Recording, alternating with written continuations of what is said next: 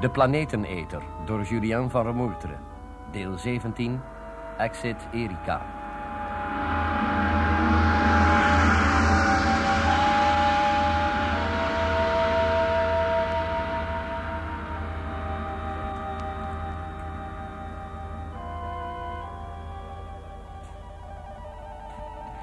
U hebt natuurlijk begrepen dat wat er in de drie astronauten omging... van veel groter belang is voor mijn eindrapport dan de zichtbare feiten. Eigenlijk hing Peter mij een beeld op dat niet zo best is voor mijn eindconclusie. De drie mensen die rondploeterden in de Braziliaanse modder... waren allesbehalve de nuchtere astronauten waar men hen steeds voor hield. Althans, voor de planeteneter ten tonele verscheen. John, de commandant van Beta 2, was gedeeltelijk bij bewustzijn en had zware brandwonden opgelopen. En Peter werd zo verteerd door jaloezie dat hij de dood van John wenste. Hij had hem trouwens pas op het laatste moment uit de capsule gesleept. Maar hij kon niet voorkomen dat Erika de commandant hielp. Ja, Erika, was ze echt verliefd op John, zoals Peter beweerde? Ik weet het niet. Want Peter kon in zijn toestand heel makkelijk de gewoonste kameraadschappelijke daad uitleggen als een gebaar van verliefdheid of liefde. Ik zal het nu spoedig aan Erika zelf moeten vragen en dat zal niet gemakkelijk zijn. Intussen dook een nieuw raadsel op. Net toen ik mijn laatste gesprek met Peter beëindigde, meldde Geerte mij dat ruimtevaartingenieur Schmol mij dringend ontbood. Op weg naartoe vroeg ik me af wat hiervan wel de oorzaak kon zijn. Schmol was hoofdingenieur van de Noordzeebasis.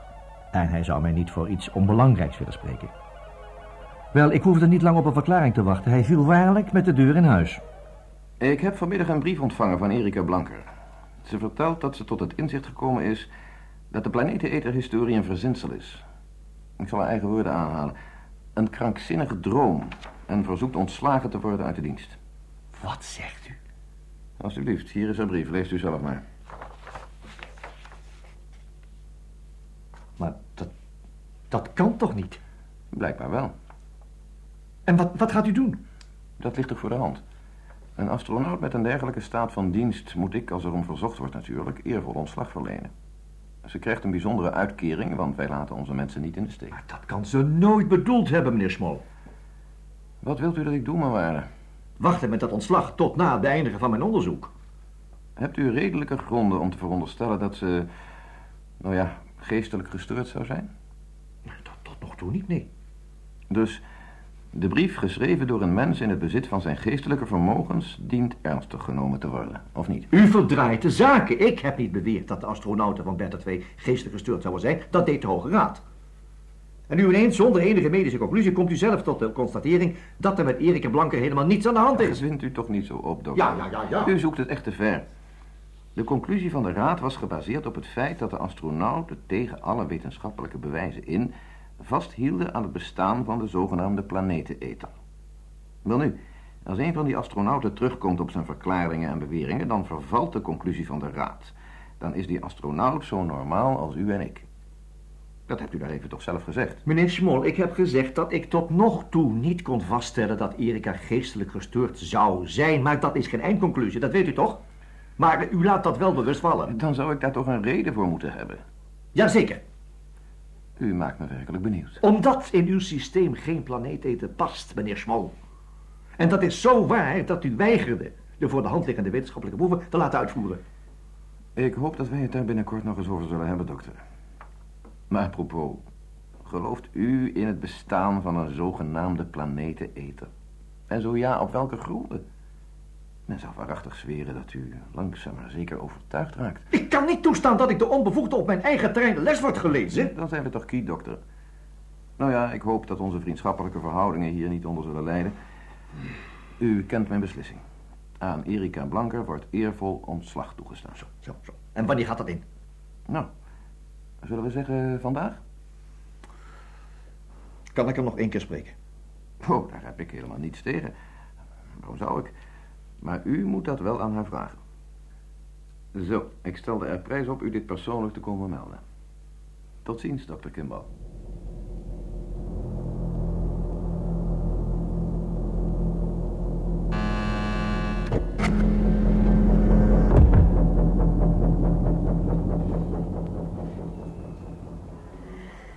Nou zit hij helemaal in de put, Walter. Ja.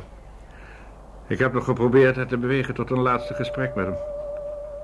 Ze weigerde haast hysterisch. Wel, daarmee wordt het onderzoek afgeschreven, is het niet? Ja, ik ben er bang voor. Kimball verdiende eigenlijk beter. Hij bijt niet genoeg van zich af. Dat heb ik hem al duizendmaal gezegd. Dat ligt niet in zijn aard. Reken maar dat hij wel anders zou willen. Nou ja, kun je eraan doen. Heb je de bevestiging gekregen dat Erika werkelijk ergens is ondergedoken, Walter? Nog niet. Maar ik zie niet in waarom dat niet waar zou zijn. Oh, het enige wat Kimball nou hard nodig heeft is vakantie. Oh, daar is Peter. Hallo. Ah, dag Peter. Kom maar bij zitten, man. De schoften hebben erom gekocht. Ik heb Schmol nooit vertrouwd. Altijd werkte met rotstreken. Ik geloof niet dat het dat alleen is. Doe maar. Ach, Erika zou de zaak toch niet zomaar verloochenen. Dat kan toch niet? Ze was helemaal down door de dood van John. En daar hebben die schoften van de Noordzeebasis van geprofiteerd. Maar ik sta in de kou. Ze zullen mij de grote behandeling laten ondergaan. Dat zullen ze niet doen, Peter. Ik weet het heel zeker. En als ze het toch doen, dan zal ik het niet weten, hè? Ik doorzie het spelletje, hoor, geloof me. John dood. Erika zachtjes geliquideerd. En ik ben de volgende. Alle goede dingen bestaan uit drie. Vertrouw je ons niet meer? Ach, jullie wel en dokter Kimball ook. Maar wat hebben jullie in de melk te brokkelen? Minder dan niks. Dokter Kimball heeft het me toch zelf gezegd. Een klein psychiatertje dat bij de gratie gods een onderzoekje mag instellen. Of is dat niet waar soms? Ja, ja, dat is allemaal ik zo, weet maar... zeker, Peter, dat dokter Kimball helemaal aan jullie kant staat. Voor zijn eindrapport kan niemand je buiten Kimballs toestemming een grote behandeling geven. Hij zou het uitbazuinen, ook al kostte het zijn carrière. En voor zover ik van belang ben, op mij kun je ook rekenen. Soms vraag ik me af, hè. Of het niet beter geweest was erover te zwijgen. Hebben jullie dat ooit overwogen? Nee, nee, geen sprake van. Wij waren er rotsvast van overtuigd dat de wetenschapsmensen dadelijk onze waarneming zouden bevestigen. Goed, maar jullie wilden in eerste instantie de aarde waarschuwen. Dus jullie waren er toch niet zo vast van overtuigd dat wij hier de planeteneter hadden waargenomen. Ik heb hem misschien verkeerd uitgedrukt. Ik wou zeggen dat wij verwacht hadden dat de wetenschapsmensen... De duivel halen ze. Alles in het werk zouden hebben gesteld om de planeteneter op te sporen. Oh, ze hebben toch het een en ander gedaan. Oh ja, wat dan? Je bent ervan op de hoogte dat men zondes naar de maan heeft gezonden? De seismologen waren dagenlang in staat van alarm. Nee, nee, je mag het niet te eenzijdig zien, Peter. Meen jij nou echt dat ik een verzinsel zou volhouden om interessant te doen? Zou voor mij toch veel gemakkelijker geweest zijn en beter zijn geweest... indien ik net als Erika alles afzwoer. Maar ik weet dat het met de aarde gebeurd is als men niet ingrijpt. Dat kan ik niet verkoppen. Heimelijk, ongezien, vreet hij onze wereld uit. En er komt een dag dat hij opnieuw zal verhuizen. Waarheen? Weet ik veel, Venus of Mars misschien. Of zijn die al aan de beurt geweest? Denk je dat het een dier is? Dat kunnen wij niet weten. Hoewel ik daarover mijn eigen idee heb. Hoe dachten John en Erika daarover? We hebben het er praktisch elke dag over gehad. Het was het enige wat ons nog bond, ons te been hield. Ja, ik, ik geloof wel dat wij hem zagen als een dier, of liever een, een, een vreemd soort levensvorm. Hadden jullie daar ook een verklaring voor waarom hij alleen maar het binnenste van een planeet uitvreet? Waarom laat hij de kost ongemoeid? Hm, denk jij echt dat we hem dat gevraagd hebben? Pas hier ben ik daar zelf dieper op ingegaan. En ik veronderstel dat het geen dier is. Het is geen levend Ja, maar als wezen. het, als het nou eet en, en, en vliegt... Een machine kan ook vliegen, Greta, en eruit zien als een dier. Dus ben jij er nu van overtuigd dat de planeteneter een machine zou zijn? Lijkt mij aanvaardbaarder, ja. Bemand door een soort marsmannetjes of zo? Een machine hoeft niet noodzakelijk bemand te zijn. Maar ze werd wel vervaardigd door intelligente wezens. Waar vandaan? Weet ik niet. Hoe zou ik dat kunnen weten? En wat ik nu zeg is pure veronderstelling. Dat wil ik extra onderstrepen. Goed, goed, ga door. Jij wilt dus stellen, Peter, dat er ergens een intelligent volk leeft... dat een reusachtige machine maakte en die machine naar de aarde zond.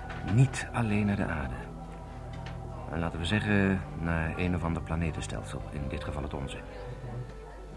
Ik weet met zekerheid dat ze onze maan reeds heeft bezocht. Ik vermoed dat Saturnus ook al aan de beurt is geweest. Omdat onze maan nu ook een ring heeft, net als Saturnus. Precies. Maar onderbreek mij nou eens niet meer. Want wat nu volgt is van het grootste belang. En ik zou willen dat jullie bijzonder goed luisteren. ok?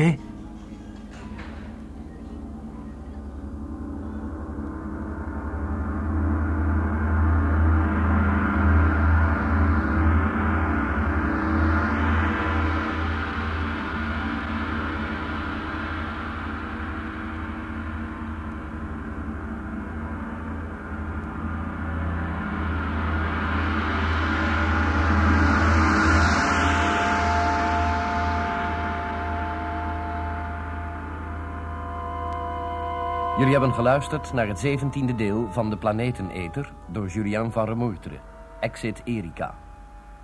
Rolverdeling: Dr. Karel Kimbal, Jan Borkes. Ruimtevaartingenieur Schmol, Paul van der Lek.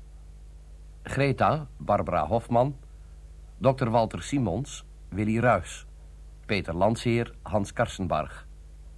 Technische realisatie Ton Prudon en Bram Hengeveld. Regie Bert Dijkstra.